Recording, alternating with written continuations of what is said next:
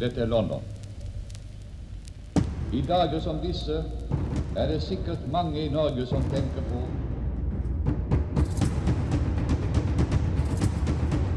Jeg vet at jeg i denne sendingen når langt utover havet, vestover, der det ennå er kveld.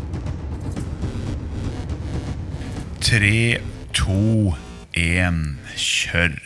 Hei og velkommen til Hitlers krig, podkasten med de beste og mest spennende historiene fra andre verdenskrig. Og vi har holdt på i noen episoder nå med selve opphavet til krigen, Adolf Hitler, og familien rundt han og familiemedlemmer. Og For et par episoder siden så satt de der og rista på hodet og tenkte at det var jo virkelig ille, men lite visste i da om at det her det blir bare verre. Og I denne episoden her så må jeg nesten få lov å si det at um, det bør være en liten disclaimer her, en liten parental adversary warning en foreldreadvarsel, kall det hva du vil. Her eh, kommer vi inn på temaet som er rett og slett skitubehagelig å høre på hvis du er 14 år og sitter sammen med foreldrene dine. Så mye kan vi si. For eh, vi skal snakke om Adolf Hitlers store kjærlighet. Men var det den tyske nazisjefen som personlig drepte sin egen niese, kvinna han ville gifte seg med? Historia om Geli Raubal handler om incest, forsmådd kjærlighet, sjalusi og død. Eh, Asbjørn, og du har eh, gått dypt inn etter evne her. Og hvor, hvor bra mage må jeg ha i dag? Jeg håper du alltid har bra mage, Erik. I hvert fall uh, når, når, vi sitter og styrer med sånne temaer som dette her. Geli Raubal hun, var egentlig, hun het egentlig Angela Raubal og var uh, datter av Adolf Hitlers halvsøster, som også het Angela, men som var gift. Eh, Angela var eh, høygravid eh, med Geli da hun satt ved Adolf Hitlers mors dødsleie. Klara Hitler døde 21.12. i 1907. Og Geli kom til verden den 4. januar. Så det var ikke mange dagene etterpå. Da Adolf flyttet til Wien angivelig for å studere, så sørget han først for at uh, Angela tok seg av søstera Paula. Og det ble dermed Paula som var barnevakt for uh, Geli de første årene av hennes oppvekst uh, i Linz. Ja, jeg kikka litt på bildet av henne. Hun, hun så jo veldig sånn vital, idrettslig og og frisk og, og, rask ut og får si tid og den klesmoden absolutt eh, noe å, eh, bli, som, som, blir lagt merke til? Ja, hun var en høyreist, eh, flott, vakker kvinne. Åpenbart litt overvektig, har jeg lest et par steder. Denne jenta, hun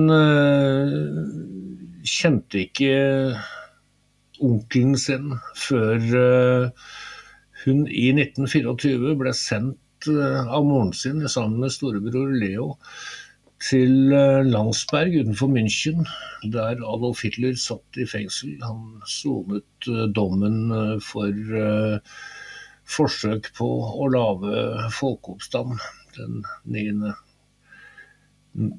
november 1923, altså året før.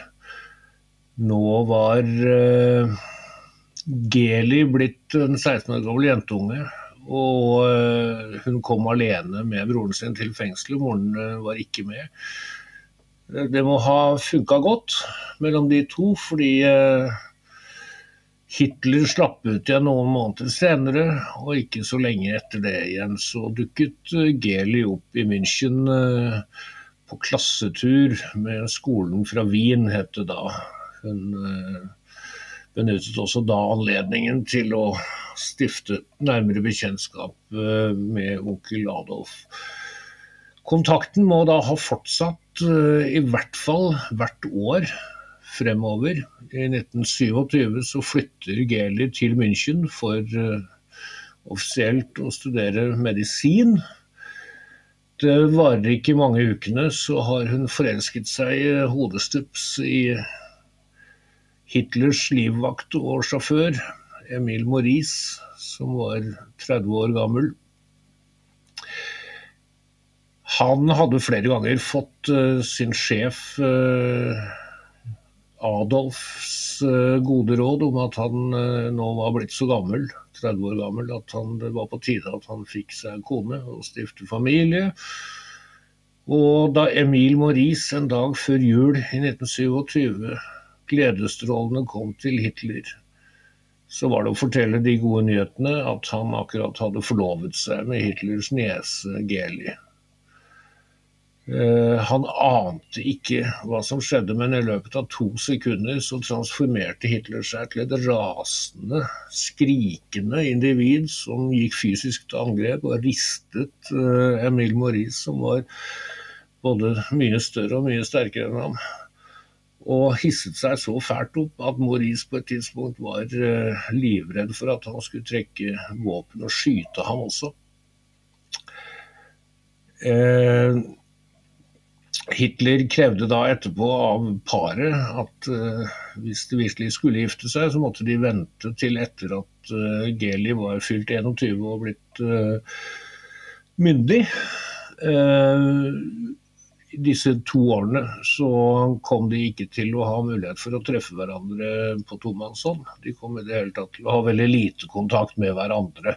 Var en del av de betingelsene han hadde satt opp. Så det gikk ikke mange ukene før Emil Maurice eh, eh, hevet forlovelsen og erklærte Geli at det ikke kunne bli til noe mellom de to. Han syntes at to år det var meningsløs lang tid å vente. Så skulle man jo tro at uh, dette ville ha utløst en kløft mellom onkel og niese, men tvert imot. Uh, i 1928 så er det plutselig Angela som dukker opp, nei Geli mener jeg, som dukker opp uh, ved Adolf Hitlers side når han er ute i byen på restaurant, som han er hver dag. Eller når han er på premiere på, på operaen. Paret har faste plasser på sjette rad. Og eh, alle som har å gjøre med Adolf Hitler i det daglige, kan ikke la være å legge merke til at han oppfører seg som en uforelsket tenåring og farer rundt og forsøker å lese alle Gelis ønsker. Geli, var det en, for, forresten, var Geli en forkortelse for Angela? Var det gjort bare sånn for å dra det, dra det navnet ned og separere ja, det litt? Det er rett og slett en forkortelse fordi hun da ble døpt eh, etter moren, fikk morens navn. Så da går det an å skille de to, sånn sett. Mm. Ja, greit å ha på ja, det rene. Nei, det gikk så langt uh, som uh, til våren 1928. Da vet vi at uh, Adolf Hitler og Rudolf Hess satt det beste av en natt og planla hvordan de med sine kvinner, altså de to parene, skulle tilbringe sommeren. Med et tysk dampskip langs norskekysten. Det ble det nå riktignok ikke noe av. Det samme året så ansetter Hitler sin halvsøster Angela på Haus Wachenfeld eh, på Ober Salzberg, altså på hytta hans. Den som han noen år senere bygger ut til å bli Berghof. Og der kommer Geli selvfølgelig ofte på besøk for å se sin mor. Men når hun kommer for å se sin mor, så treffer hun ofte sin onkel også. Noe han setter stor pris på. I 1929 skaffer Hitler seg en eh, presentabel privatbolig på prins Regentenplatz i eh, München. Münchens eh, beste område der leier han en niroms. Og i begynnelsen av oktober så kan han og Geli flytte inn. Hun er da 23, og han er 41. Og de er fortsatt onkel og niese. det gode borgerskap i München rynker på nesen. Og eh, både de sosialdemokratiske og de kommunistiske avisene boltrer seg i denne historien. Og de bringer videre både sanne og oppdiktede historier om sin politiske dødsfiende og hans unge slektning. Geli har med seg sin onkel Alf, som hun kaller ham, rundt omkring når hun skal kjøpe nye klær, smykker eller dyre parfymer. Og det er alltid onkel Alf som uh, finner fram portemoneen og betaler når uh, hun har bestemt seg.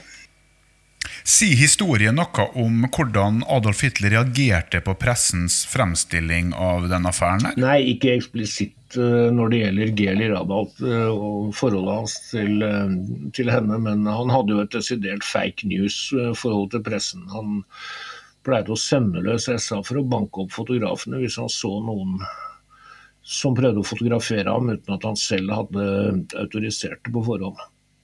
Så det var anspent under alle omstendigheter. Men det var jo også slik i uh, Tyskland den gangen at både den sosialdemokratiske og den kommunistiske pressen var stor og sterk, nådde langt ut. det var nazistene og de to som liksom preget mye av mediebildet. Så de, de, hadde noe å si, det er klart det. Men han feide det antagelig unna med at det var jo bare snakk om hans motstanderes vanlige propaganda. Uh, han var dessuten uh, uforsiktig. Det var også en gang i 1929 at hans venn i partiet, Ernst Hans Stengel, ble oppsøkt av eh, en av økonomisjefene, en mann som kjente Hitler personlig, og som var litt fortvilet fordi han kunne fortelle han Stengel at uh, noen åpenbart hadde stjålet en uh, mappe med tegninger fra Hitlers bil. Og disse tegningene de viste Geli i uh, forskjellige posisjoner som denne toppnazisten hadde sagt til Hans Stengel eh, posisjoner som man i hvert fall ikke hadde fått en profesjonell modell til å stille seg opp i. Det var altså perverse ting, og det var uh, ikke noen tvil om hva det handlet om. Og nå var det noen som hadde stjålet det, og de brukte det for å presse penger av Adolf Hitler. Og han ga ordre om at kravet skulle innfris, pengene, et stort beløp, skulle utbetales fra partikassa og så kom tegningene tilbake, og da mente nok uh, mer ansvarlige folk uh, i det brune huset, som partihovedkvarteret i München het, at uh, det ville være en god idé å kvitte seg med dette herre. Det var jo tross alt beviser for den øverste sjefens ganske perverse sider. Men Hitler ville ikke høre på det. Han ga tvert imot ordre om at tegningene skulle pakkes inn og legges eh, trygt i et uh, pengeskap eh, på partihovedkvarteret. Hvilket årstall ble de tegningene der tegna? Ja, Det må ha vært fra uh, 1929. Så det er fra omkring den tida hvor Geli og han flytter inn i leiligheten på Prins Regentenplats nummer 16. Det er jo tegninger som eh, ettertida mener er av Geli, tegna av Adolf Hitler, som har overlevd. Men har noen av dem her eh, overlevd? Nei, disse tingene er nok eh, borte. Det vil si, vi vet jo ikke hva som befinner seg eh, i kjeller og på loft hos uh, utenlandske samlere, f.eks. Akkurat for anførsel begynner godbiter, anførsel slutt som dette, så kan jeg forestille meg at amerikanske samlere er villige til å betale ubeskrivelige beløp. Astronomiske beløp. Men der har jeg lyst til å spørre, Du samler jo også på både fotografier, bøker, dagbøker, alt mulig som, som, som dreier seg om sentrale ting i andre verdenskrig. Hadde du villet betalt penger for å fått noe sånn i besittelse utover det journalistiske? Nei, jeg er ikke interessert i å eie sånt noe for å være innehaver av gjenstandene. Det, det har ikke noen hensikt. Jeg pleier også å skubbe greiene mine videre på museer når jeg er ferdig med å bruke det til eh, det jeg skal bruke dem til. Jeg har ikke noe lyst til å samle på sånne ting, egentlig. Det har mer en praktisk årsak. Ernst eh, Stamfengel, som senere ble bitter uvenn med Hitler etter at eh, han eh, falt i unåde og mistet flesteparten av posisjonene sine i Nazi-Tyskland midt på 30-tallet, så ble han til slutt redd for sitt eget liv, i den grad at han rømte og kom seg via Sveits til England. Der var han flyktning, rett og slett. Eh, og måtte prøve å overleve med det han kunne, nemlig å skrive. Og, og, og fortelle om hemmeligheter hjemmefra, fra toppen av uh, nazisirklene. Han uh, underholdt også sitt britiske publikum med detaljerte historier om Hitlers perverse påfunn i senga, og han fortalte at uh, Gabi, nei, Geli en gang hadde gråtende betrodde ham at hun ble utsatt for uh, bisarre overgrep, uh, og hadde også fortalt konkret hva onkelen gjorde med henne i senga jeg har ikke lyst til å gjenta det her. Takk som spør. Nei, Jeg har ikke så veldig lyst til å høre, og det tror jeg ikke så forferdelig mange andre har lyst til å høre. Men eh, det jeg stiller med spørsmål om her, er er det noen spesiell grunn til at dette ikke har blitt fremheva sterkt før i dokumentarer og filmer, spesielt fra f.eks. tidligere Sovjetunionen, når de fikk eh, skrive historien? Hvorfor har ikke dette på en måte vært um, som ei fotnote ved Adolf Hitler hele veien. At han var både diktator, folkemorder og en pervers uh, privatperson. Jo, det har jo vært spekulert i det fra både før krigen, fra amerikanske etterretningsrapporter under krigen, konkluderte med at han uh, var åpenlyst pervers, og at uh, en god del av de tingene, de valgene han gjorde, de beslutningene han tok i livet, var, uh, kunne føres direkte tilbake til uh, et ganske sykt sexliv. Men det, det slutta ikke der. Det ble ei eh, bare verre historie det der til slutt, som også kulminerer med at vi har vel kanskje ikke svaret den dag i dag på hvor ille det egentlig endte? Geli hun, var, hun oppførte seg som en bortskjemt jentunge hun bestemte seg for at eh, når hun eh, likevel ikke eh, kunne bli lege, som hun først hadde tenkt på, men det krevde jo at hun jobba og studerte. Så da det ikke gikk, så ville hun heller bli sanger.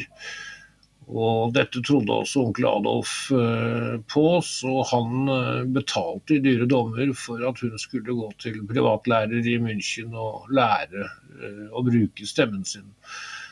Privatlæreren var ingen hvem som helst, og han var også hadde en posisjon i Hitlers parti.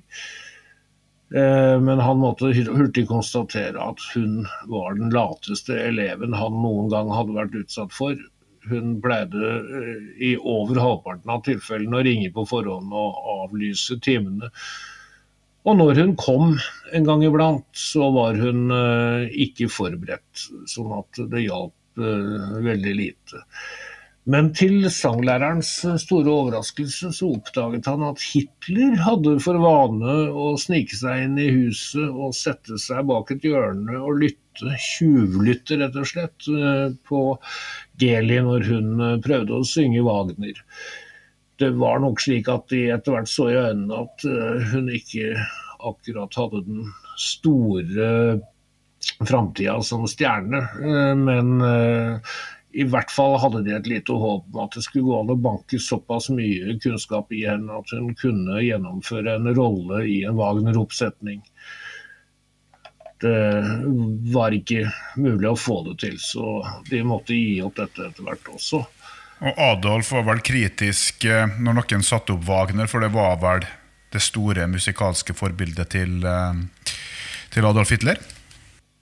Ja da, det var det også, men akkurat fordi det var det, så hadde nok han syntes det hadde vært veldig stor stas om uh, Hans Geli hadde stått på scenen og i hvert fall hatt en uh, birolle i en oppsetning, f.eks.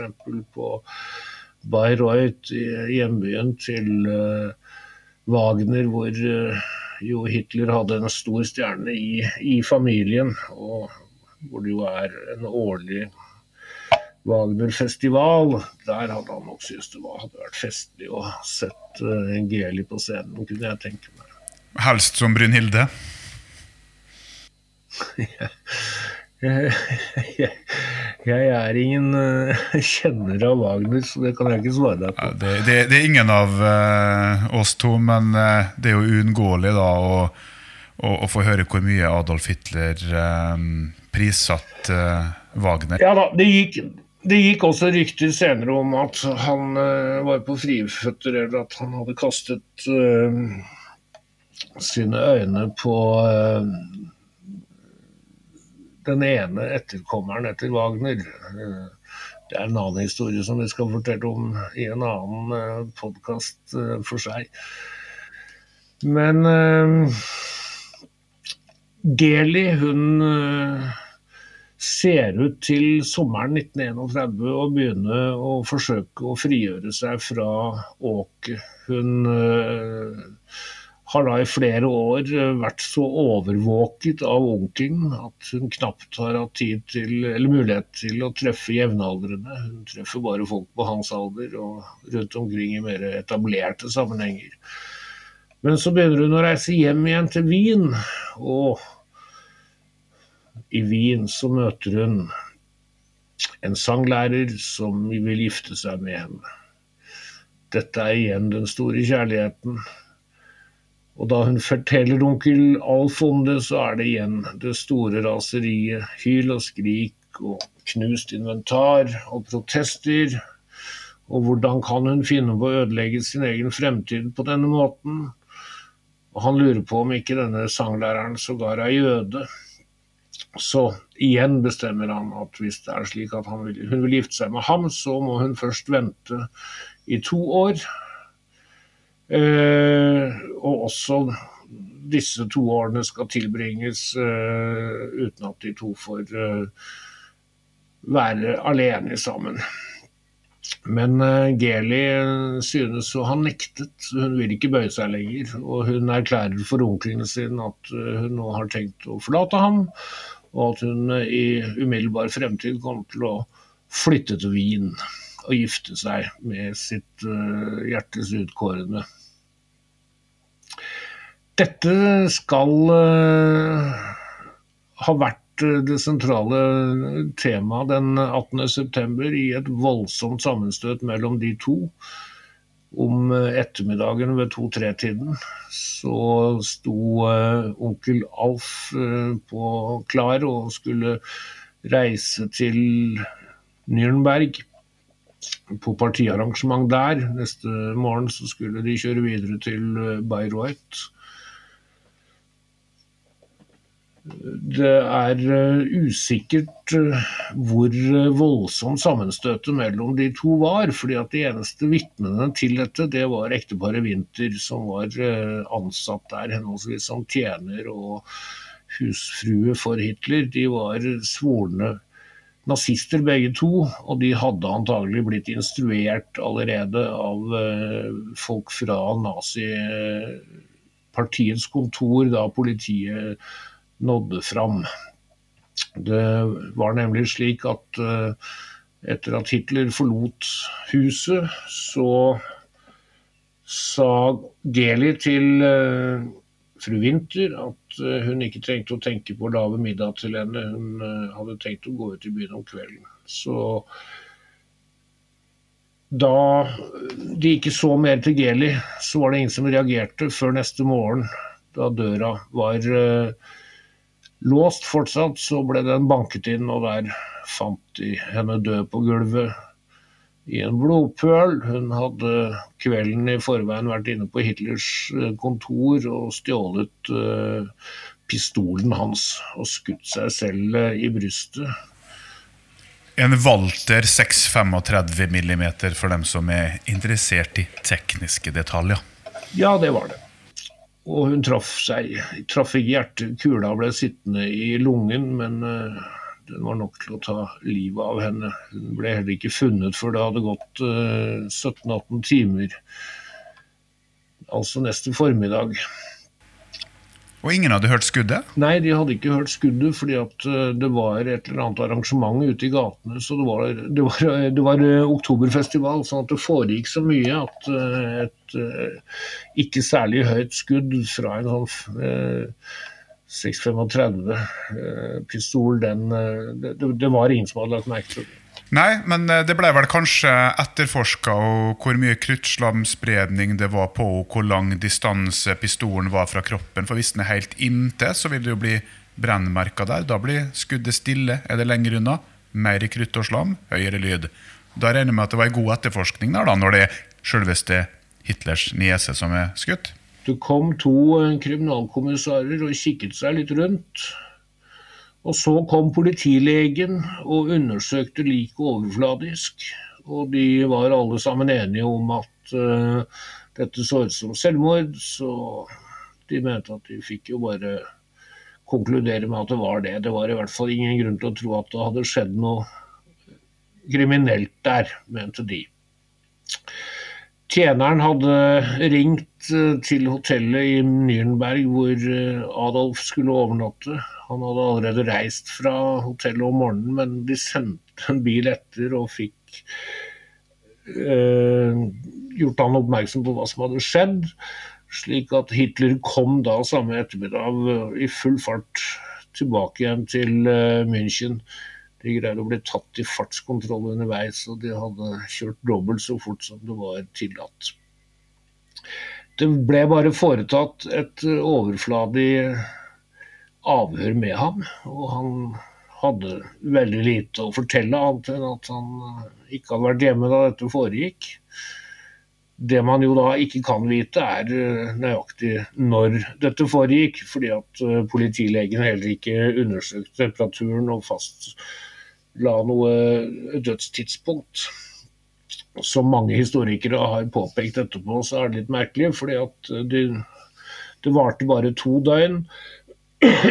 Og så fikk de tillatelse til å hente liket, som ble lagt i en tinnekiste og brakt til, i likbil til Wien.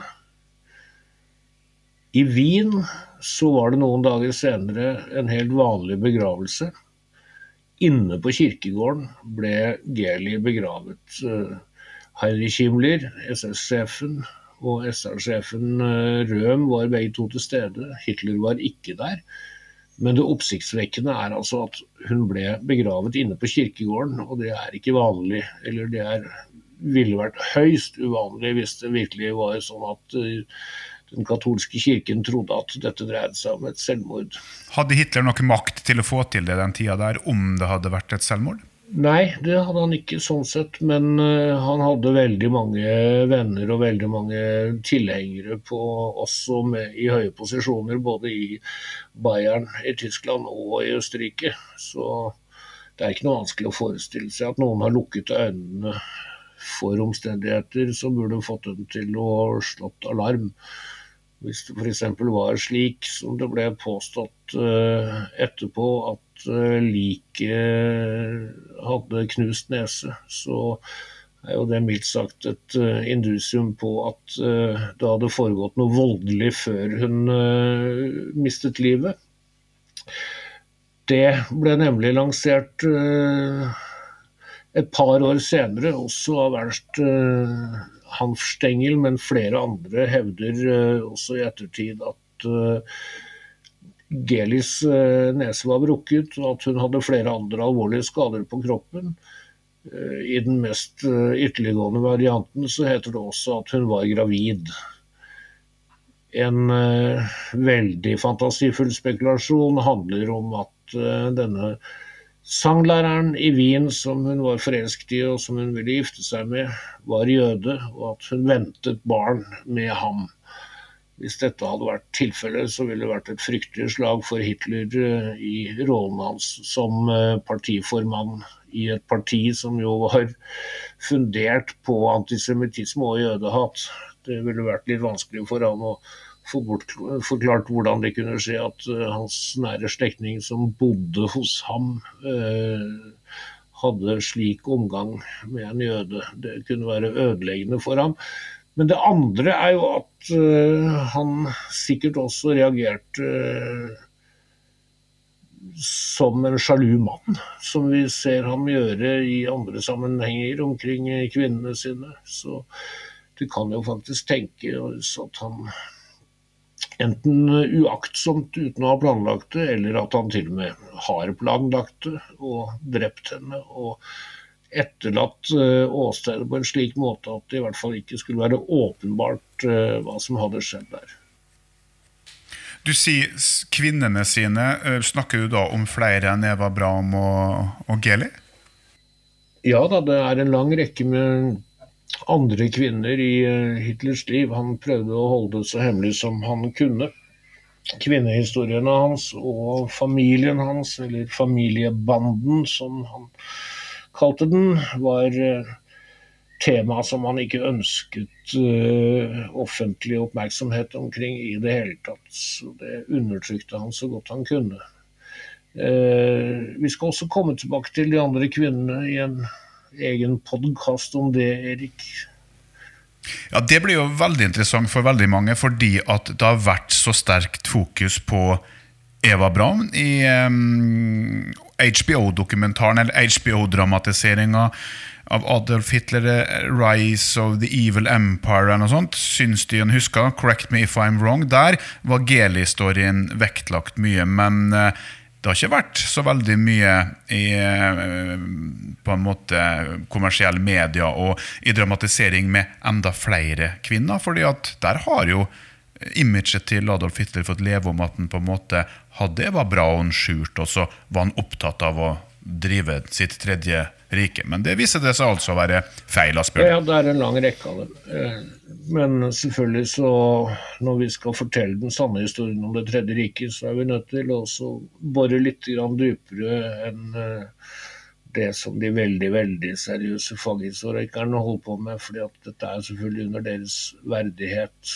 Men uh, det fins en uh, stor underskog uh, av tysk erindringslitteratur hvor disse tingene kommer frem. Så her i landet er det i hvert fall ikke noen hemmelighet at det forholdt seg sånn med Hitlers kjærlighetsliv.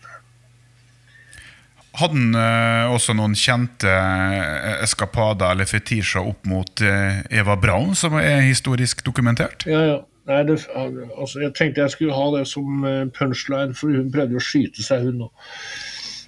Det er godt du har researchdokumentene godt innelåst og bak passord, ellers hadde jo tjuvlest dem lenge før du har kommet til, til, innspilling. For det er selvfølgelig ekstremt spennende, det her. Men eh, er det ikke også slik at eh, Adolf Hitler påståelig skulle endra seg litt som menneske etter at eh, Geli forsvant fra livet? Jo. De snakker alle i erindringsbøkene sine om før og etter Gelis død. Han endret oppførsel og framtreden totalt. og sa også ganske åpent til sine omgivelser at det jo egentlig kun var plass til Tyskland i hans hjerte, og at uh, derfor måtte Geli dø, fordi at det var ikke både plass til en kjærlighet til en kvinne og til hans land. Og han hadde jo en misjon som han måtte utføre, så derfor så var det dette tragiske skjedde med hans høyt elskede niese, kunne han finne på å si. Eh, historikere, observatører, de peker på at det virker som eh, at når hun dør, så brister alle hemninger. Da er det ingenting som holder ham tilbake lenger. Da lar han det stå til og, og lar alle sine mest primitive eh, egenskaper få komme fram til overflaten. Ernst Hanf Stengel, som overlevde krigen i sitt asyl i, og eksil i USA. Han hadde nok ikke noen høye tanker om sin tidligere venn Adolf Hitler. Og han er også en av hovedkildene til ryktene og mye av sladderet som fortsatt eh, eksisterer omkring Hitlers erotiske liv og hans eh, påståtte perversiteter. I eh, erindringsboka si så skriver han rett ut at jeg trodde den gangen at Hitler verken var fugl eller fisk. At han verken var helt homofil eller helt heterofil. Jeg kom faktisk eh, fram til den faste overbevisningen om at eh, han er impotent, eller var impotent, og at han var den undertrykte, onanerende typen. Men når det er sagt, så tok vel historien en ny vending for noen år siden også, når det kom rundt opplysninger om eh, akkurat det der? Ja, akkurat det der var at en historiker i München som eh, gravde litt dypere i arkivene enn eh, noen av hans kolleger hadde gjort før, fant frem eh, dokumentene fra legen i Landsberg-fengselet som undersøkte Hitler den dagen i 1923, da han ble satt inn. Og fengselslegen han hadde selvfølgelig ikke brydd seg om at mannen var sjenert og ikke likte å vise seg fram for andre uten underbukser, så der måtte Hitler la alt eh, falle. Og legen skrev ned at mannen lider av noe som heter eh, kryptorkisme. Eh, høyre, på høyre siden. Dette er en tilstand hvor testiklene blir hengende fast og ikke kommer ut i pungen rett etter fødselen. Eh, I våre dager så retter legene på det med et enkelt inngrep eh, etter noen måneder. Men eh, den gangen så ble det ikke gjort. Og det var vanlig da at testikkelen ble liggende igjen i, buk, i bukhulen. Noe som bl.a. hadde til som en konsekvens at det var umulig Sterilitet, mener jeg. Det var umulig å få barn dette ble den gangen eh, det kom frem og det ble diskutert eh, opp og ned vegger, også av medisinske fagfolk, så ble det påpekt av et par at uh, dette er en sånn ting som gjerne opptrer nettopp i familier hvor det er sterke innslag av incest bakover i generasjonene. Og akkurat det var jo tilfellet i Hitlers familie. Og det ville han gjerne videreføre òg? Ja, hvis denne sykdommen gjorde, han, øh, gjorde at han var øh, steril, så hadde han ikke sjanser til det. da. Men kunne den sykdommen der gjøre noe med, med, med lyst og lyst og øh, evne? Ja. Ja til begge deler. Men eh, jeg, jeg, kan ikke gi deg noen, eh, noen, faglig forklaring på hva det handler om. Men det, det, det virker forstyrrende på hormonproduksjonen og på hormonene. Og det i seg sjøl er jo ting som uh, ikke akkurat er fordel når det gjelder menneskets likevekt og en del andre ting. Vi burde jo nesten hatt med oss eh, en sexolog som gjest i disse eh, episodene her, med, med, med ettertanke. Eh, vi har vel kommet til avslutninga av denne ukes episode, Asbjørn? Det har vi. Og inntil vi høres neste gang, så får du ha det fint. Og så kan du jo selvfølgelig lese mye om krigen imens. Ha det bra.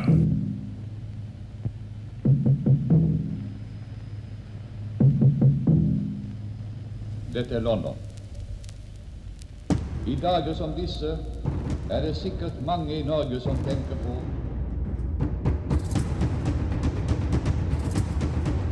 Jeg vet at jeg i denne sendingen når langt utover havet, vestover der det ennå er kveld,